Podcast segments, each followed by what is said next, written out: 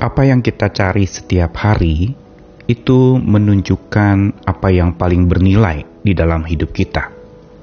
Bila yang kita cari adalah kesuksesan, maka kesuksesan itu tentu saja yang paling bernilai, makanya dicari setiap hari. Atau bila kekayaan itu yang paling bernilai, maka itu yang akan segera dicari setiap harinya. Atau mungkin kesenangan-kesenangan kita yang lain yang kita cari setiap hari, itu pasti yang paling bernilai. Dan karena itu, apa yang kita cari setiap hari akan menunjukkan nilai apa yang kita pegang di dalam hidup kita. Karena apa yang dicari setiap hari itu sesungguhnya menunjukkan diri kita sendiri di hadapan Tuhan. Dan ketika kita menganggap itu yang paling bernilai, maka yang lainnya tentu saja nilainya akan menjadi urutan yang kedua, ketiga, dan seterusnya. Karena itu betapa pentingnya kita mencoba berefleksi dan memeriksa diri tentang apa yang dicari setiap hari. Saya Nikolas Kurniawan kembali menemani di dalam Sabda Tuhan. Kali ini di dalam rangkaian satu minggu ini kita akan bersama-sama merenungkan tentang hikmat Tuhan setiap hari. Dari Yesaya pasal 33 ayat yang ke-6, Masa keamanan akan tiba bagimu, kekayaan yang menyelamatkan ialah hikmat dan pengetahuan, takut akan Tuhan itulah harta benda Sion. Yesaya 33 adalah sebuah nubuatan tentang masa depan Sion atau bangsa pilihan Tuhan, orang-orang Israel pada waktu itu. Yaitu bahwa akan ada masa keamanan yang akan tiba bagi mereka Kata keamanan di sini digunakan sebuah kata yang mengacu kepada stabilitas. Akan ada kestabilan yang tiba menghampiri setiap orang-orang yang percaya kepada Tuhan.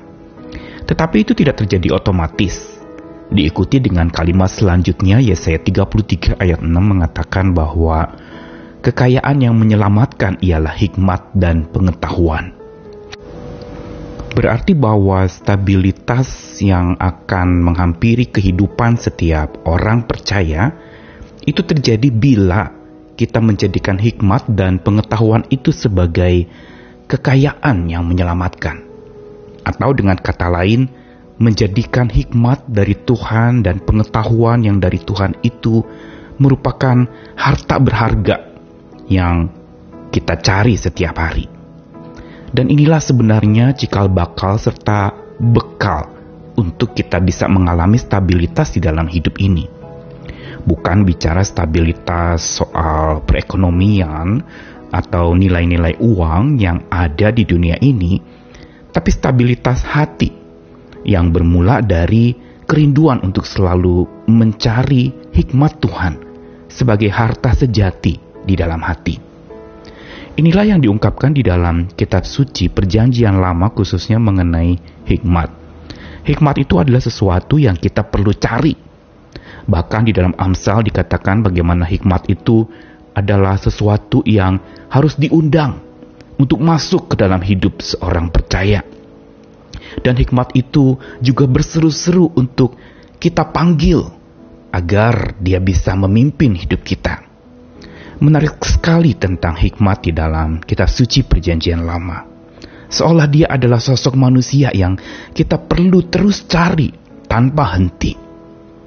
Dan apa yang diingatkan oleh Yesaya kepada umat pilihan Tuhan, bahwa kekayaan yang menyelamatkan ialah hikmat dan pengetahuan, Tuhan ingin menegaskan tentang apa yang lebih bernilai atau yang paling bernilai di dalam kehidupan kita, sehingga itulah yang harusnya kita cari setiap hari bukan harta yang bisa binasa atau harta yang bisa habis.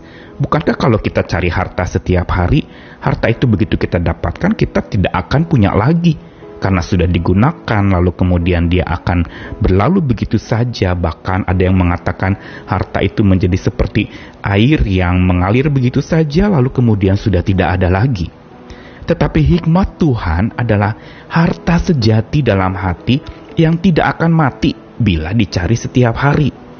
Dan ini yang dikatakan pula di dalam Yesaya 33 ayat 6 bahwa takut akan Tuhan itulah harta benda Sion. Atau di dalam versi Alkitab lain dikatakan bahwa takut akan Tuhan yang merupakan permulaan hikmat itu, itu adalah harta karun dari Sion. Harta karun dari umat pilihan Tuhan. Yang berarti begitu berharganya. Sesuatu yang harus dicari harta karun itu tersembunyi. Dan kita perlu menemukannya. Karena itu, memasuki tahun ini di hari yang ketiga ini kita perlu memeriksa diri apa sebenarnya yang kita cari setiap hari.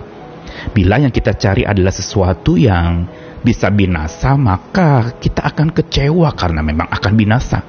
Tapi bila yang kita cari sesuatu yang kekal dan abadi, yang bisa menetap di dalam hati, bila dicari setiap hari, maka itu akan memimpin hidup kita senantiasa. Bukankah kalau kita punya harta banyak tapi tidak bijak untuk mengatur dan mengelola harta itu, kita juga akan kehabisan harta itu bukan? Tetapi bila kita punya hikmat, harta yang banyak atau harta yang sedikit kita bisa kelola dengan begitu rupa dengan hikmat Tuhan agar itu bisa dipakai untuk kemuliaan nama Tuhan. Periksalah diri, mari kita melangkah lagi memasuki tahun yang baru ini untuk senantiasa mencari hikmat Tuhan setiap hari. Karena nilainya adalah abadi, kekal, dan menetap di dalam hati. Selamat mencari hikmatnya dan jangan lupa tetap semangat mengikut Tuhan yang memandu hidup kita melalui belantara tahun ini. Amin.